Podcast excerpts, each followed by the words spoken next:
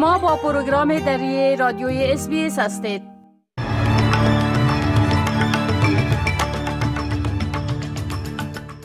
با عرض سلام ما صاحب شکیب شما را به شنیدن مهمترین اخبار امروز هفتم ماه جولای سال 2023 میلادی دعوت می کنم. کمیسیون سلطنتی تحقیقات در مورد طرح غیرقانونی روبودت که برای پس گرفتن قرضه های رفاهی از مردم توسط حکومت قبلی مورد استفاده قرار گرفت گزارش انتقادآمیز را ارائه کرده است. در این گزارش تعقیب قانونی و جنایی کارمندان دولتی مسئول این طرح که یک میکانیزم خام و ظالمانه دانسته شده توصیه گردیده است. این گزارش در سه جلد در بیش از 990 صفحه ارائه شده شامل 57 توصیه به حکومت فدرالی و همچنان یک فصل اضافی بسته است که حاوی اسامی کسانی می باشد که برای تعقیب قانونی ارجاع شده ولی هنوز شناسایی نشدهاند. وزرای تعلیم و تربیه فدرالی و ایالتی استرالیا از پیشنهادات اصلاحات اساسی در آموزش معلمین به خاطر جلوگیری از ترک مسلک توسط آنها حمایت می کنند. این پیشنهادات یک هیئت از متخصصین آموزش معلمین شامل تقویت برنامه های آموزشی معلمین و بهبود تجربه تدریس عملی می باشد. در گزارش آمده است که معلمین جدید اکثرا احساس می کنند که برای چالش هایی که در سنف با آنها مواجه می شوند مجهز نیستند. در حالی که کارخانه های کهنه زغال سنگی تولید نیروی برق بسته می شوند، حکومت فدرالی مجددا درخواست های جناح مخالف برای غور بر ایجاد یک شبکه هستوی تولید برق را رد کرده است.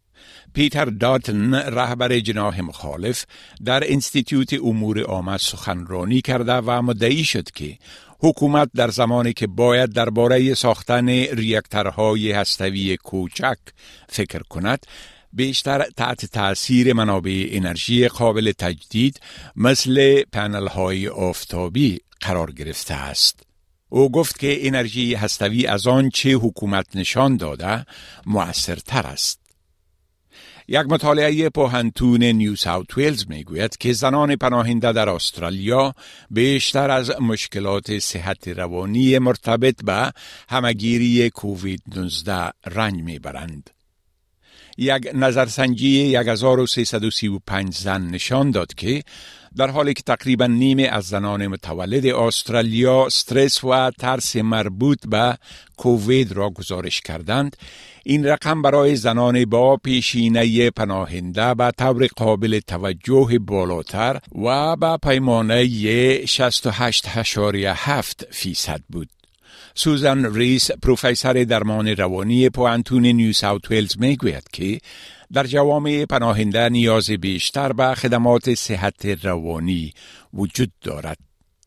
طالبان پس از بستن آرایشگاه در افغانستان استدلال کردند که افزودن مو، چیدن ابرو و اصراف خلاف شریعت است. ظاهرا از نظر طالبان مصرف بر آرایش اصراف و یک عمل غیر شرعی است.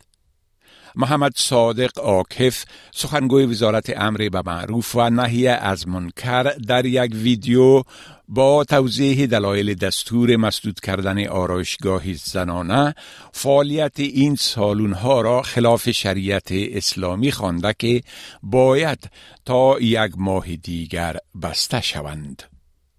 مقامات صحی ایالات متحده امریکا استفاده از یک دوای الزایمر را که از نزدیک تحت نظر قرار دارد به صورت کامل تصویب کردند. سازمان غذا و دوای امریکا معروف به FDA این دوا به نام لگنبی را برای بیماران مبتلا به زوال عقل خفیف و سایر علائم ناشی از بیماری الزایمر اولیه تایید کرده است. این اولین دوایی است که به طور قانع کننده نشان داده که ناتوانی در شناسایی ناشی از الزایمر را به طور متوسط کاهش می دهد.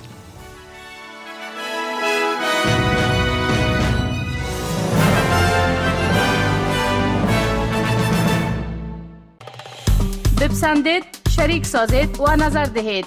اسپیس دری را در فیسبوک تعقیب کنید.